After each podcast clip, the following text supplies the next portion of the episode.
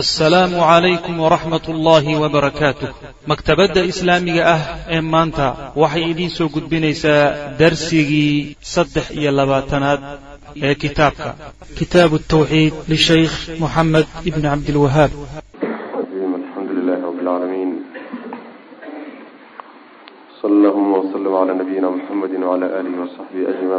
bacd yaqulu lmualifu raximah llahu tacaala baabu ma jaa fi nushra uu baabu yahay waxay ku soo arooray ama ku yimid nushrada nushrada waxaa la yidhahdaa sixir furyada la yidhahdaa macnaha ruuxii sixranaa oo sixirkii laga furo wixii ku soo arooray ama ku yimid oo adilo ah. Ma bannaan tahay? Mise ma banaanaa baabu maa jaa wixii yimid baabu yahay fi nushrati sixir furyada wixii ku yimid. Waa mid ay yaqaaneen iyagu markaaso ashu waa cahdiyo wey mid ay isla garanayaan oo jaahiliyadu isticmaali jireen. Taa wey macnaha.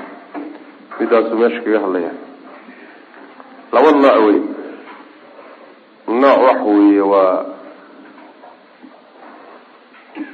waa shayaadiinta la adeegsadaa iyo jinka. Iyaga marka waxaa loo diraa inay raad qaadaan sixirkii ruuxan lagu sameeyey. Midna waxbaa la isugu dardaraa ruuxo waxbaa lagu akriyaayo waxbaa lagu tufaayo. Markaa kadib baa la cabsiiyaa. Labada qeyboodba qeybta dambe ee wax lagu akrinayo waxaa lagu akrinaya haddaynan ahayn qur'aanka iyo adkaar iyaduna waa nooc sixirka kamida wey labada qeyboodba oo sixir furyada aba labadaba meesha ayaa lagaga hadlaya macnaha can jaabirin jaabir waxaa laga warinaya ana rasuula allahi sal alay wasalam rasuulku su'ila in la weydiiyey can innushrati sixir furyada ayaa nabiga la weydiiyey ruux sixran sixirkii ma laga furi karaa. Fa qaala nabigu wuxuu yuri sal lay slam hiya sixir furyadu min camali shayaan shaydaan shaqadii wey waa shaqo shaydaan ee shaqo ruux muslima ma aha. Rawahu waxaa wariyey xadiidkaas axmed baa wariyey bisanadin jayid sanad wanaagsan buu ku wariyey wa abu daawuud ayaa abu daawuud baa wariyey wa qaala wuxuuna yihi abu daawuud su'ila axmedu axmed baa waxaa la weydiiyey canha nushrada ayaa la weydiiyey. Fa qaala imaam axmed wuxuu yihi ibnu mascuud yakrahu. Ibnu mascuud wuxuu ahaa mid necab haada arrinkan kullahu dhammaanteed. Nushrada noocyadeedoo dhan ibnu mascuud wuu karaahaysan jiray oo wuu xarimi jiray. Saasuu imaam axmed marka ku jawaabay. Xadiidku waa xadiid xasan ah. Sanadkiisu waa xasan. Sida uu leeyahay sheekh alxaafid ibn xajar iyo sheekh nasir diin albani labaduba sanadkiisa way taxsiininayaan nushrada marka nabiga la weydiinaya salawatullhi wasalaamu calayhi sixir furyadaasi waa miday jaahiliyadu samayn jireen oo ruuxa waxaa sixirka ka furaya. Mid kaloo saaxir ah ruux kaloo saxirka yaqaana. Ayaa loo geynayaa isagaa marka wuxuun adeegsanoo markaas waxa weye sixir furyadiisi ayuu raadinaya. Midaas ayaa nabiga la weydiiyey salawatullahi wasalaamu calayhi wuxuuna ku tilmaamay inay tahay shaqo shaytaan inay tahay. Ee shaqo ruux muslima ma ah macnaheedu waxa weeyaan xadiidka daahirkiisa waxaa ka muuqata inay xaaraam tahay macnaha oo insan waxaa kaleeto oo iyadana laga qaadanaya hadalka cabdullahi bin mascuud cabdullahi wuu nacbay wuu nacbaa oo uu xarimi jiray inaysan banaaneyn ayuu sheegi jiray. Maxaa yeelay sideedaba culimadii hore ee salafka mutaqadimiintii haddii hadalkooda uu karaahaysan jiray la yidhaahdo. Karaahadan culimada mutaahiriinta ah say u yaqaaneen iyo karaahadii cinda salaf way kala gedisan tahay. Alkaraaha cinda salaf waxa wey bimacna taxriim xaaraam wey macnaha sidaasaana u badan hadalkooda iyo isticmaalkooda saasaa u badnaa. Maxaa yeele ilahi subxana wa tacala kitaabka qur'aanka ku odhanaya kullu dalika kana sayi-uhu cinda rabbika makruha waxaa laga soo hadlay dilkii iyo zinadii iyo yani agoonta xoolaheeda cunitaankeeda iyo kullu dalika kaana sayi cinda rabbika makruhan waa laga fiican yahay keliya maaha waa xaaraam wey macnaha marka karahada xaaraamna waa loo isticmaalaa waxaa kaloo loo isticmaalaa khilaafu lwlaa shay laga fiican yahay laakiin aan xaaraam ahayn. Waa laga fiican yahay laakiin xaaraam maaha waana isticmaalka u badan mutaahiriinta culimadii dambeysay isticmaalkan dambe ayay aada u isticmaalaan waxaan xaaraam gaadhisiisnayn xalaal aan ahayn boqol kiiba boqol ah laakiin samayntiisa laga fiican yahay. Saasay u isticmaalaan karaahada culimada mutaahiriinta ah. Kuwii hore laakin maya xaaraan bay u isticmaali jireen. Cabdullahi bin mascuud marka hadalkiisu saasuu ku dhacayaayo wuxuu ka wadaa waa xaaraam oo ma banaana. Maxaa yeele waxaynu soo marnay cabdullahi bin mascuud xataa qardhaasaha la dhigayo. Qur'aan haddii lagu qorayo xataa inuu diiday. Xataa haddii qur'aan lagu qorayo culimadii diiday inuu hormuud ka ahaa baynu xagga ku soo marnay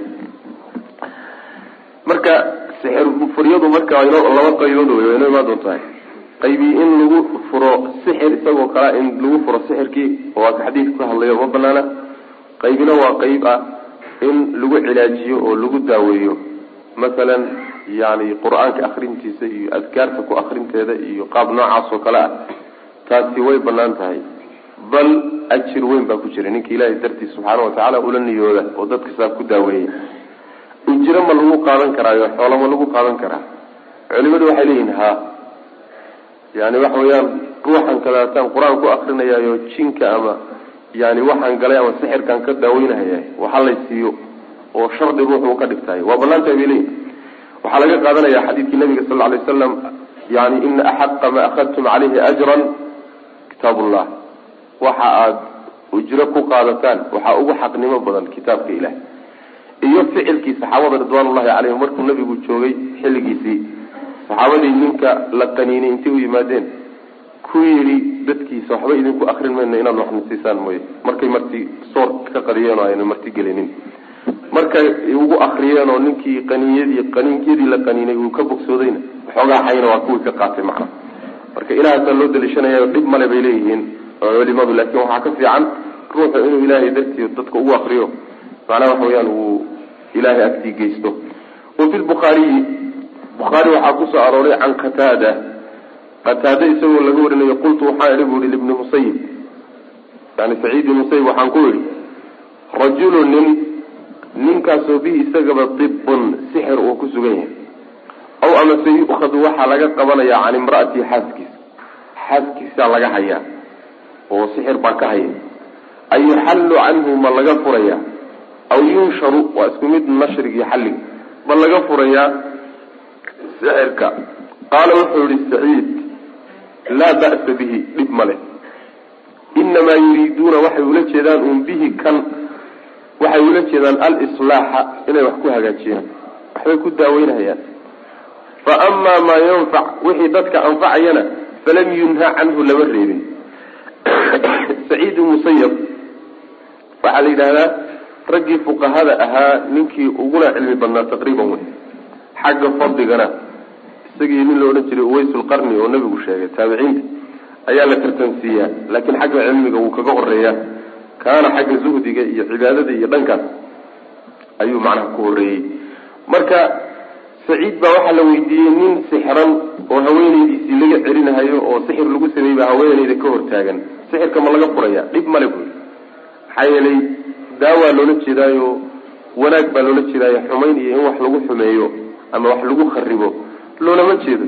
Wixii saas oo kale oo dadka anfacayana lama diidin buu yihi saciid macnaha saciid hadalkiisa marka waxaa ka muuqda inuu sixirka laba qaybood uqaybiyey qayb waxtar ah qayb waxtar ahoo dheef leh iyo qayb dhib ah. Qaybta wax lagu dhibahayo ma banaana qaybta laakiin dheefta ahee wax lagu xalinahayo ee dhib dhacay macnaha waxa weyaan lagu daaweynahayo ee sixirka lagu furayo qaybtaa inay bannaan tahay baad moodaa hadalka sixir inay ka muuqato macnaha saciid musayib laakiin sida raajixa waxa weye waa sida xadiidka kutusay marba haddii nebigu salawatullahi wasalaamu caleyhi uu mas'alada xadiid ka yidhaahdo hadalkiisa lahayo hade cid kale warba uma furaba. Saas wey maana xadiidkuna waa xadiidkan soo sheegnay xasana warwi warwiya waxaa la wariyey can ilxasan xasan waxaa laga wariyey. Rajulun bihi dhibbunta dhibbida waxaa la yidhahdaa asalkiisa daawada la yidhahda daawada ruux markuu caafimaada macnaha waxa wey dhibiga la dhahaa. Dabiibkana yani daaweyaa la yidhahdaa marka sixirkana waa loo isticmaalaa. Yani sixirkan oo loo isticmaalayo min baabi tafaa-ul bay sixirka ugu isticmaalaan.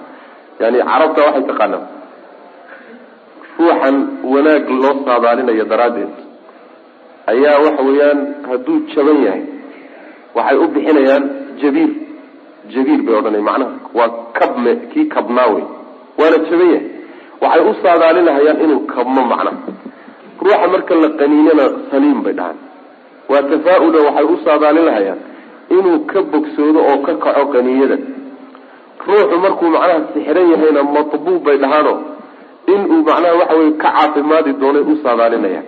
Yani asaaliib noocaas oo kalea jirto macnaha carabta isticmaalo luqadeeda waruwiya waxaa la wariyey can ilxasan xasan lbasri waxaa laga wariyey. Anahu xasan qaala inuu yihi laa yuxallu laa yuxilu dhe ma furo. Asixra sixirka ma furo ilaa saaxiru saaxir mooyaane. Yani sidaas wey ninkan saaxirka ee wax xidhxidhay sixirkiisa nin saaxira unbaa furi kara wey. Sidaas wey isagaa mid isagoo kalea macnaha ninkii sixir baan furi yidhaahdo oo dariiqo aan sharci ahayn u adeegsadaay waa saaxirkii wax sixray un gedisna wey saas qaala ibnu qayim wuxuu yihi annushratu sixir furyadu nushradii macnaha xadiidka ku soo aroortay xallu sixri sixirkoo laga fura wey can ilmasxuuri ruuxii sixranaa wahiya iyaduna nawcaani waa laba nooc.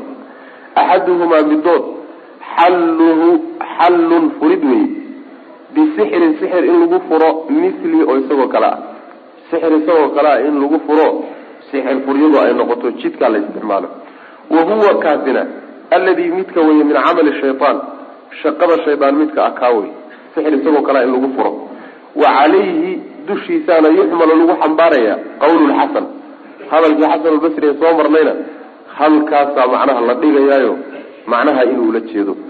Fayataqarabu wuxuu ugu dhawaanayaa qaabka marka lagu furayo qaabka sixir furyada uu u samaynayo wax ka tilmaamay fayataqarabu wuu ugu dhawaanayaa annaashiu ninkii sixirka furayey waalmuntashar iyo kii laga furayey ila shaydaani shaydaan bay ugu dhawaanayaan bimaa yuxibu wuxuu jecel yahay bay ugu dhawaanayaan fa yubtilu macnaha shaydaan bay u dhawaanayaan oo baryayaan oo loo yeedhan oo markuu yimaadana shuruud baa la kala xidhan wuxuu isagu jeclaabay marka u fulinayaan fa yubdilu shaydaano markaasu wuxuu burinayaa oo uu fakinayaa camalahu camalkiisiibuu cani lmasxuuri kii macnaha waxa weeyaan wax sixray camalkiisii iyo shaqadiisii sixirka ahayd ayuu kii la sixray marka ka baabi'inaya oo ka tiraya. Sixirka camalkii uu samey kani iyuu soo tirtiraya macna marka meesha taqarub baa ku jirta taqarub lishayaan sida saaxiriintuba u badan yihiin. Wathani ka labaadi waxa weye macnaha labaad ee nushradu annushratu sixirka oo la furo wayo biruqyati yani tufis iyo qur'aan akrin watacawudaati iyo macnaha magangal ilaahay la magan galo iyo daawooyin wadacawaati almubaax iyo baryooyinka banaan oo ilahay la baryo. Fa hada kaasu jaa-izun waa banaaya saas in loo kala saara fiican macnaha fiihi masaail masaa-il dhowraa baasa ku jira. Alula masalada koobaadi waxa weye annahyu reebitaan can innushrati sixir furyadii la aqoon jiray jaahiliyadu isticmaali jireen oo layska reebo. Oo xagee baa nahyigu kaga yaallaa xadiid nahyigu wuxuu kaga yaallaa camalka haddii la caayo oo sharcigu wax ka sheego macnaha waa la reebay maxaa yeelay shaqo shaydaan baa lagu tilmaamay. Shaqo shaydaanna muslimiinta waa laga reebay. Waxa la wixii shaydaan ku lug leh. Iska badaa shayaadiinta jinniga jinniga e kuwa insigaa xataa camalkooda iyo akhlaaqdooda ayaa muslimiinta laga reebay. Athaaniyatu masalada labaad waxa weye alfarqu kala qaadid wey bayna almanhiyi canhu nushrada mideeda la reebay waalmurakhasi fiihi iyo midda la ogolaaday oo iyaga la kala qaado oo la kala sooco. Camaa shay lagu kala sooco oo yuziilu tiraya oo bi'inaya alishkaala isku darmadka. Waxa macnaha waxa wey dhehgalka iyo isku darmashadooda si kala cadaynaysa ayaa loo kala qaaday oo hadalkii ibnu qayim baa macnaha kala qaaday. Waxa ruuxa lagu sixir furayo hadduu qur'aan iyo yani baryo ilaahay iyo uu yahay jidkaas waa banaan yahay haddii kale maya wey baabu ma jaa fi tatayur wuxuu baabu yahay wixii ku soo arooray yani baasaysiga baasaysiga waa kii darsigeenii horena aynu qeyb kaga soo marnay wey halkanuu marka sheekhu ugu talagalay ilaa kitaabka awalkiisa dhowr meelood baan ku soo marnay tadayurka laakiin halkanaa baabkiisuu sheekhu ugu talagalay. Waxaa laga soo qaatay kelimada tadayurka ah yani min adayr baa laga soo qaatay. Shimbir baa laga keenay asalkeeda.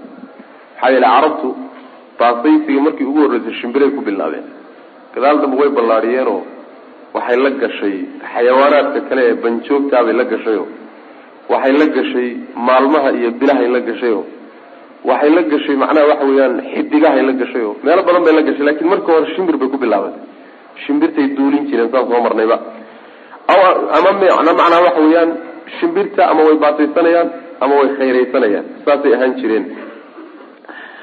Isdilaaxa waxaa la yidhahdaa tashaa-umka ruuxu inuu baasaysto wax indhihiisu qabteen oo uu arkay sida shimbir oo kale ama xayawaan oo kale ama wax uu maqlay.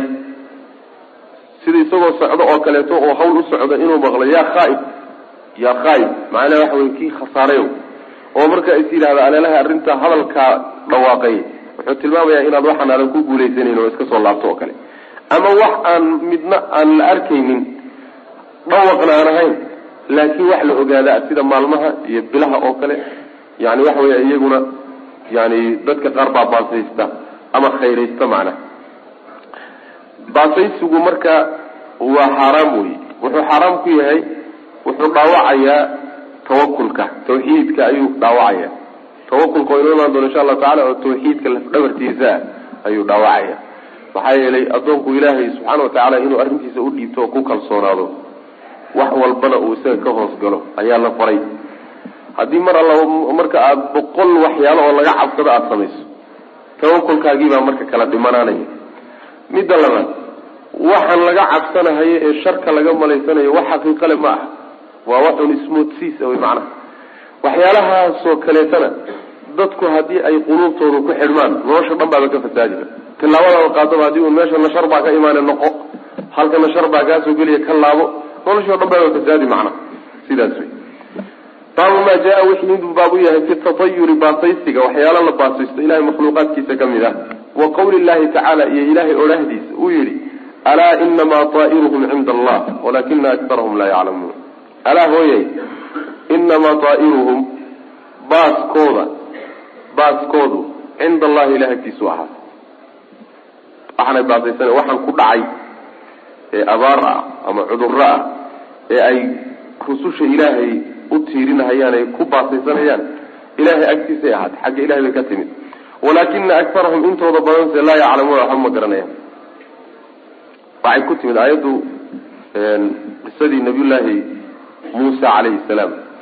Faida jaaءathum alxasanatu qaluu lana hadih wain tusibhum sayi'at yatayaruu bimuusa waman maca reer bani israiil yani nimankii loo diraan ujeeda nabiyullahi muusa calayhi salaam ee fircawn iyo qoladiisii ah haddii ay barwaaqo helaan nabi muuse nabiyullahi muusa calayhi salaam markuu u tegey hadday barwaaqo helaan oo sanadkaa doogaad noqoto oo roob fiican udo oo xooluhu macnaha waxa wey ay u dhalaan oo ay barwaaqo helaan waxay odhanayaan naxnu ljadiiruuna bidalik yani waanu mudanay xaq baanu u leenahay intaasoo kale wax naloo siiyo haddii abaara ku dhacaan oo yani waxa weeyaan roob ka daho oo dhib uu soo gaadhana waxaa noole bay odhanayaan ninkan mabda'a cusub la yimid. Kan unbuu ka socdaa. Maxaa yeelay dhib oo dhan iyo sharkan iyo waxaan u watiya mabda'an baatilka ayaa sabab u ah abaarahan dhacay iyo dhibaatooyinkan ummadda ku dhacay. Markaasaa ilaahi subxaana watacaala uu ugu jawaab wuxuu yihi alaa inamaa daa'iruhum cinda allah. Baasaysigooda waxaan ku dhacay ee qadar ilaahay ay baasaysanayaan nebi muuse iyo xaggiisa kama imaanine sababna uma ahee xagga ilaahay bay toos uga yimaadeen. Waa qadar ilaahi subxaana watacaala laakiin intooda badan baan wax garab ahayn. Waxbaba ma garanayaanba. Sidaasaa lagu yidhi. Wa qawli llahi tacaala buu baab yahay alaa hooya inamaa daa'iruhum daa'irkaa waxaa laga wadaa ay maa yusiibuhum min alqaxti. Waxa ku dhacay ee abaaro ah ayaa daa'irka laga wadaa oo shayga ay wax ku baasaysanayaan baasaysigaba iyo sharaysigaba waxa keenay ah. War waxaan idinku dhacay ee baasaysi eed baasaysanaysaan cinda allahi ilaahay agtiisuu ka yimide oo xagga alla ayuu ka ahaadee kama imaanin nabiyullaahi muusa calayhi salaam iyo xaggiisa. Walaakina aktarahum intooda badanse laa yaclamuuna ma ay ogaa nebi ilaahay uu soo dirsaday oo khayr xambaarsan oo tawxiid xambaarsan. In ay baraka iyo khayr xaggiisa ka timaado mooyaane oo sabab uu ilaahay uga dhiga mooye shar inuu uga dhigaayo wax suurtagalaba ma aha waa sida hadda macnaha dadka qaarka ay yimaadaan ay macnaha waxa weye rumaysan yihiin oo kaleeto. Dad tawxiid wado oo shirkiyaadkan iyo khuraafaadkan iyo bidacan la dagaalamaya markay u tagaan haddii ilaahayba subxaana watacaala uu ka dhigaba maarata inuu qadaro in ama yani waxa weeyaan ay dhibu ku yimaado ama abaaro ku dhacaan ama cudurro ku dhacaan kuwanaa loo noolahaa bay odhanaya kuwanaa noolahaa kuwan kadaata muja wahaabiyada ah ee aan la garanaynin ee halkaa ka soo jeeda yaa noole bay odhanaya wadaadadii sixiroolayaasha ahaa ee kahanada ahaa ee barnaamijkan ku shaqaysan jiray yaana bulshada waxaa afka u gelinaya macana marka dadka ilaahay subxaana watacaala diintiisa wade ahlulkhayrka ee ahluliimaanka ah ee ducaada iyo culimada ah xaggooda yani shar sabab uma noqdaan. Laakin shar waa yani waxay sabab u noqdaan oo sabab looga dhiga khayr iyo barako saas way maanaa laakiin wixii o dhan bay daba rogayaan kuwani. Wa qawlihi tacaala uu baab iyadana u yahay qaaluu waxay yidhahdeen rusushii waxay ku yidhahdeen dadkoodii baasaystay daa'irukum baaskiinu macakum la jirankiinu ahaada ain dukirtum ma in laydin waaliye daraaddeed baa tadayartum noo baasaysanaysaan bal baasku annaga naguma jire antum idinka ayaa qawmun dad baa tihiin musrifuuna oo xadgudbay waxay iyaduna ku timid yani rusushii dhowrka ahaayee loo diray qaryadii suuratu yaasiin ku soo aroortay. Markay u tageen baa waxay ku yidhaahdeen innaa tadayarnaa bikum waanu idin baasaysanay shar un baanu idinka filanaynaayo. Haysta inaad idinku sabab u tihiin un baanu macnaha u haysanaa. Markaasay rusushii u jawaabeen waxay yidhahdeen daa'irukum macakum. Yani sharkiina iyo baasaysigiinu idinku idinla jiraa la jirankiina idinmana idinmaba dhaafisnaba. Maxaa laga wadaa waxaa laga wadaa daairka. Daairka waxaa laga wadaa waxa ku dhacay. Waxa ku dhacay. Macakumna waxaa laga wadaa afcaashiina iyo aqwaashiina iyo dhaqankiina idinku aad samayseen oo dembigaad gasheen ah. Yaa sabab u ah wey maanaa sabab u ah. Yani waxaan idinku dhacay dunuub aada gasheen bay yaa keentay. Dunuubtana idinka idinla jirtaayo idinka idinka dhacdo idinka idinla socotaaye annaga xagganaga waxba kama imaanin wey macana ma in aan idin waaninay daraadeen oon ilaahay idinku waanin xaqa idin sheegnay baad noo baasaysanaysaan intaa un sooma waxaad noo baasaysanaysaan annaga dhinku nagama socdee idinkaa musrifiin oo xadgudbay xadgudubkaasaana sababka ah oo ilaahay dunuub marka la galo ciqaabbuu ka keenaa. Ciqaabu tii marka dembigiina ka dhalatay wey maa waxani macana sidaas wey labada aayadood marka iskama hor imaanayaan aayadda hore waxaa la yidhi macnaha yacni daa'irkan iyo waxaan idinku dhacay xagga ilaahay buu ka yimid. Xagga ilaahay buu ka yimid. Waxaanaad baasaysanaysaan ilaahay xaggiisuu ka yimid. Aayaddanna waxay leedahay idinka xaggiinuu ka yimid. Miyay iska hor imaanayaan? Maya. Iskama hor imaanaya aayadda hore waxay tilmaamaysaa ilaahay baa qadaray oo waxaan soo qorsheeyey. Aayaddan dambena waxay tilmaamaysaa dunuubtiinaa sabab u ah. Saas way maana yani aayadda dambena sababkii bay tilmaamaysaa ta horena waxay tilmaamaysaa meesha asalka ee waxaani ka soo fuleeno ilahay subxana watacala xaggiisa macna. Marka labadaas iskama hor imaanayaan qaaluu waxay yidhahdeen rusulshii rusushii waxay yidhahdeen daa'irukum war niman yahuud sharkiina iyo baasaysigiinin iyo waxaan idinku dhacay. Macakum la jirankiina unbu ada yani musaaxib lakum waaye. Idinka unbuu idinla jiraayo maxaa yeele camalkiini iyo dembigiinu ku yimid waay dembigiinuna idinkuu idinka yimid ain dukirtum ma in laydin waaniyey daraaddeed baad? Tadayartum noo baasaysanaysaan mawaanadaan eednay iyo wax sheeg. Bal xagganaga inay wax ka yimaadaan ma jire. Bashaas maanaa idraab ibdaali awey waxaasi wax jira ma ahee antum idinka ayaa qawmun dad a musrifuuna oo xadgudbay. Xadgudubkiina iyo dembigiina ayuu waxani ku dhaceen oo abaaruhu ku imaanayaan oo cuduradu ku imaanayaan oo colaadu ku imaanaysa dhibaatooyinkaasi ku imaanaya yani waxa weeyaan degan baadiyaha iyo meelaha bahgooyada ah oo dadka jidka ka lumiyana ma jiro. Sidaasaa nabigu salawatullahi wasalaamu caleyh uu yihi arrimo dhowr marka xadiidku ka hadlay. Midda koobaadi waxa wey laa cadwa. Cadwa waxaa la yidhahdaa cudurka tilaabidda uu tilaabayo ruux intuu ka tilaabo ruux kale uu gudbayo. Arrintaasi ma jirto yuu nabigu leh salawatullahi waslamu caleyh maxaa laga wadaa. Axaadiis kaloo fara badan baa jirto. Nebigu salawatullahi wasalaamu calayhi uu ku muujinayo in ay suurtagal tahay cudur ruux haya ruux kaleo isdhex galeen daraaddeed inuu u gudbo. Isdhexgalkaa daraaddiidna uu keeno gudbiddaa cudurkaasi uu gudbayo uu sabab u noqdo. Xadiista waxaa ka mid a xadiis nabigu leh sal lay slam laa yuridu mumridun calaa musixin. Nin xoola jiran wataaye mid xoolihiisu caafimaad qabaan yuusan ku dul aroorinin yuusan kaga dhex darin waay. Waxaa ka mid ah axaadiistaas xadiidku nabigu leh sal lay slam fira min almajduum kama tafiru min alasad. Yani ruuxa judaamka qaba ka carar sida libaaxa uga carar lahay sida libaax oo kale uga fogow. Waxaa ka mid ah axaadiistaas xadiidku nabigu lah sal la alay waslam haddii uu daacuunku dhul ku dhaco ninkii ka maqanay yuusan dhulkaa imaanin ninkii joogana yuusan ka bixin. Waxaa ka mid a axaadiis fara badan oo noocaasa jirta oo nabigu sal lay slam uu ku tilmaamayo in cudurrada taxadar laga qaato taas wey macna. Xadiidkaa horena wuxuu leeyahay laa cadwa cudurku maba gudbaba maba gudbaba iyo xadiidkan ina leeyahay wejiga ugu fiican ee axaadiistaas lagu jamcin kare macnahooda isku waafaqi kare la isugu geyn karo waxa waaye waa macnaha uu marayo albayhaqi ibnu salax ibnu lqayim ibnu rajab ibnu muflix culimo aada u fara badan baa maraysa. Oo waxay leeyihiin waxaa laga wadaa xadiidka hore ee laa cadwa ah waxa uu duminayaa oo uu diidayaa oo meesha ka saaraya mabda ay jaahiliyadii hore rumaysnaayeen oo ahaa waxay qabeen cudurku inuu isagu iski intuu ruuxan uga gudbo ruuxa u galo. Oo isagaaba lugeynhayaba madax banaan ilaahay idankiisa iyo qadarkiisa kuma xidhne oo sabab keliya ma ahe. Cudurku waa macnaha aafada lugeynaysa ee madax banaan iyadu wax kharibaysa ee gelaysa ee kan ka baxaysa wey. Saasay rumaysnaayeen. Cudurkiibaa marka sabab lagama dhigin ee waxaa laga dhigay awood goonideeda u shafkaxsanaysa. Mabdaa oo jaahiliyadu rumaysnayd. Iyo xadiidka laa cadwa ah diidaya cudur isagu iska tilaabo oo iska gudbo oo iska lugeeyo oo ruuxa iska gala ma jire. Waa sabab ilaahay subxaana wa tacaala hadduu doonana wuu gudbi. Hadduusan ilaahay dooninna ma uu gudbayo.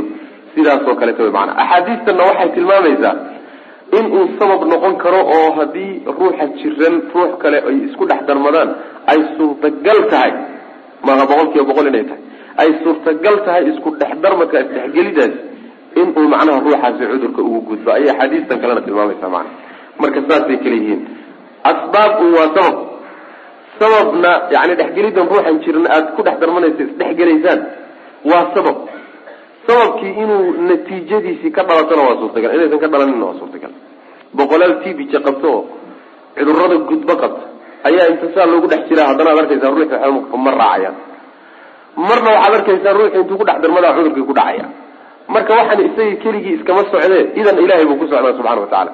Dhexgalkuna waa sabab sida masalan waxa weeyaan yani cuntada oo kaleeto gaajada isaga saarideeda ayay sabab ugu tahay. Dabka oo kaleeto gubid inuu wax gubud gubo ayuu sabab u yahay haddana ilahay hadduu doono subxana wa tacaala inuusan wax gubin waxba ma gubay. Sidii ma nabiyullaahi yani waa ibraahim oo kaleeto alayhi salaam. Dab intaa la shida inta lagu dhex turo haddana gubi waayey marka waxani waa asbaabe. Wax iyagu yani iraado madax banaan le maehe laakiin waa asbaab. Asbaabtaasi haddii la helo in natiijadoodii ka timaadana waa suurtagal inaysan ka imaaninna waa suurtagal hadduusan ilaahay qadarin subxana wa tacala mabda-aasaa la doonaya macnaha in la taqriiriyo. Ee ma aha cudurku sidiisaba sabab ahaan sababkii uu ku gudbilay hadduu yimaado ma gudbayo. Sidaa axaadiista lagama wado macnahaasa ugu fiican oo wuxuu ka fiican yahay macaani kaleeto culimo kaleeto ay sheegeen walaa diyarata waa baasaysigaan hadda soo marnay. Baasaysigii laga hadlayo wey oo wax waxba yaraatee baas le ma uu jiro. Wax ilaahay xayawaanaadkiisa ka mid a oo baas leh oo baas iyo dhib uu laga fushay iyo shar ma uu jira wey macnaha. Walaa haamata waxa waaye waxaa laga wadaa guumaysta baasha guumaysta la odhan jiray oo shimbir isaguna wuxuu alla baasaysta carabtu waxay rumaysnayd. Guumaystu waxay yidhaahdaan ruuxa marka la dilo marka ruux gardarro lagu dilo oo loo aari waayo naftiisiibaa intay duusho yaa waxay noqonaysaa shimbirtaa guumaysta. Markaasay dhawaaqi afar iyo labaatanka saac bay dhawaaqi oo geedahay dha dushooda dhawaaqi hawadaasay dhawaaqi ilaa ruuxii yani ruuxii la dilay naftiisii oo aardoon ah in loo aargooyo doonaysa yaa shimbirtan dhex wareegaysa ilaa loo aargooyana naftan iyoo degaysa saasay carabtu rumaysnaan jireen sidaa daraaddeed ruuxa hadday gurigiisa soo dulfuusho ama reerka soo dhex gasho oo ay dhawaaqdo waxay odhan jireen mayd bay ka warramaysa. Ruuxu baa reerka ka bixi doona. Saas daraaddeed reerka ha loo duceeyo oo waxa loo qalo carabtaasaa rumaysnay soomaaliduna saan bay rumaysanta gumaysi hadday maqlaanba waa shar. Sidaas way macana caadaad fara badan oo carabi lahaan jirtay bay soomaalidu leedahay shimbirahani waxba ma oga marka. Wax alle waxay og yihiin iyo waxay ka warhayaan ibna ma jiro. Cikrima ninka la yidhahda mawla ibn cabbaas ayaa wuxuu yihi maalin baa waxaan la fadhinay buu yihi cabdullahi ibn cabbaas. Markaasaa shimbir baa soo maray shimbir duulaya. Nin meesha fadhiibaa marka wuxuu yihi khayr khayr macnaha waxa wey abshir abshir meeshay ka dhahan way hadda markaasaa cabdullaahi wuxuu yihi cabdullahi ibn cabbaas laa khayra walaa shara buu yihi khayr iyo shar doona waxba waxba ma jiraan shimbirkana khayrna ma xambaarsana sharna ma xambaarsane waa shimbir caadiye naga aamus buu ku yidhi. Waxa ma sheegaysa daawuus baa sidoo kale ninkii la odhan jiray taabiciga ahaa. Ardadii ibn cabbaas ka mid ahaan jiray ayaa isagana nin iyagoo wada socdo oo socoto oo safar ah ayaa tukaa dhawaaqay. Tukaa meel kaciyey nin la socday baa marka wuxuu yihi khayr yani abshir wey wuu khayraystay. Daawuus baa wuxuu yihi marka wa ayu khayrin cinda hada war shimbirkan miskiinka ehe yani hayjadan iska joogaayo khayrka agtiisa yaallaayo muxuu laa tasxabu buu ku yidhi. Hay soo raacin mar dambana israaci mayno jidkaa ka baxdo. Nin waxaa rumaysanaya anigu jid wada mari mayne kacalkaa mar bu sidaas wey. Marka shimbirahani waxay ilaahay qadarkiisa ka og yihiin ma uu jiro. Ee macnaha waxa weeyaan dadka unbaa waxan kadaata yani waa ictiqaad iyo malo iyo ismoodsiis un aan raad lahayn. Walaa safara safartaasi waxaa laga wadaa. Yani iyada keligeed mehe macnaha shimbirahoo dhan bay marka matalaysa. Wax alla wixii shimbir ah ayay matalaysaa macnaha sida madadka oo kale oo kale. Madadka macnaha waana la sharaystaa waana la khayraystaa. Soomaalida hadduu macnaha waxa weeye adoo jid haya uu geed hortaada afuulo oo kugu soo jeedsado xaggaaga u soo jeedsado abshir bay odhanayaan. Yani khayr baa la gaadhay wanaag baa la filan. Haddii uu intuu dhanka bidix kaa fuulo geed ingegan fuulana reerka waxa weye balaayaa ku soo foodle hadduu dhanka midig kaa fuulana oo macnaha waxa wey dhankaaga midig markaad socoto uu fuulo geed fuulana waxaa la odhanayaa maanta hilib baynu cuni doonaa. Waxaasaa la odhanaya hilib baynu cuni doonaa bal waxa weeye hadduu geed kaa horreeya fuula inta lagu ortaa geedka la yani waxa wey la isku masixiyo oo la taataaban oo la barakaysan oo isaguna geedku dusha ka saaran yahay. Moodaasaa lagu hayn oo yani waxa weya shimbirkanaabaad moodaaba xaggiisa wax ka soo socda. Isaga iyo keyrkiiba shimbiro aada u fara badan iyo xayawaanaad fara badan oo saasoo kalea jira macnaha ajna cawsha la yidhaahda iyo dadka qaar baa baasays yani ruwaaga qaar baa baasays dawacada qaar baa baasays yani waxa weeye xayawaanaadka faraha badan baa soomaalidu u qaybsanta qaarna baasaystaan qaarna macnaa waxa weeyaan ay wanaag ka fishaan oo ay khayraystaan macna. Walaa safara safartaa waxaa laga wadaa. Safartaas. Dhowr macnaba waa culimadu waa leeyihiin safarka waxaa la yidhahdaa cudur caloosha ku dhaco. Si deg deg ah u gudba sida kaloorahoo kale. Culimada qaar saasay leeyihiin oo waxaa qaba hadalkaas sufyaan ibnu cuyeyne imaamu axmed iyo bukhaari iyo ibnu jariir iyo saasay qabaan saa haddii la yidhaahdo walaa safara oo cudur laga dhigo waa dikru lkhaasi bacda alcaam. Ila laa cadwa baynu soo marnay. Cudur oo dhan ka hadlaysa. Cudur gooniya haddana dib laga sheegay. Marka waxay noqonaysaa cudur khaasa oo kii guud kadib la sheegay unbay noqonaysaa. Macnahaas haddii la maro. Qolo kale waxay leeyihiin culimada ka mid a macnaha dambaana xoog badane. Waxaa laga wadaa laa safara. Bisha safar la yidhahdo wax baas ahoo iyada si gooniya ugu jiraayay ma laha bilahay baasaystaan bay ka mid ahay khaasatan guurka. Mayna guursan jirin. Guurkaa la baassan jiray yani waxa wey bisha safar yaan la guursan. Bisha shacbaan oo kale iyadana way baasaysan jireen carabtu oo iyadana guurkeeda waa laga warwareegi jiray. Taasaa marka laga hadlaya. Marka bisha safar waxay bilaha la dheer tahay ma jirte waa ayaam ilaahi wey waa bil ilaahi subxaana watacala oo bilaha la mid a wax dhibki gooni u wadatana ma ay jirto macnaha yani waxyaalaha gariibka ah soomaalida hadda waxa wey waa baasaystaan oo bisha safar lama guursado bisha shacbaanna lama guursado. Haweeney labaad haddaad la aqalgelaysana cabdalla lama aqalgalo. Gudcurkaa lala sugaa. Gudcurkaa lala sugaa. Waxyaalahaas macantaa wey waxyaala la yaab yani dadku waa dad muslimiina haddana caadaadkii jaahiliga aha ee carabi intaysan islaamba u imaanin ay gaalada ahaayeen caadaadkoodii baynu haysanaa meel ay inaga soo gaadheen bal adugu sheeg bulshooyinkan ina garab degan ee afrikaanka ah inta badan caadooyinkan laga heli maayo. Soomaali ubaad ugu imaan un macna. Taqriiban waa waxyaalaha kutusaya soomaaliya inay carab calaaqa la leedahay. Meel bay calaqgaleen maxaa yila caadaadkeedii oo sideedii ah yay soo guuriyeen arbaca bil u dambaysa xagee ka timid. Arbaca gooniyaad. Carab baa iska lahay. Arbaca bil u dambaysa lamana guuro. Wixii macnaha waxa wey ilmihii dhashana waa ilmo shareed. Ilmihii uur galana waa ilmo shareed. Saasay rumaysan yihiin soomaalina saasay rumaysanta axadda waxay ku odhanayaan xoolaha lama suuq geeyo. Sidaasay ku saas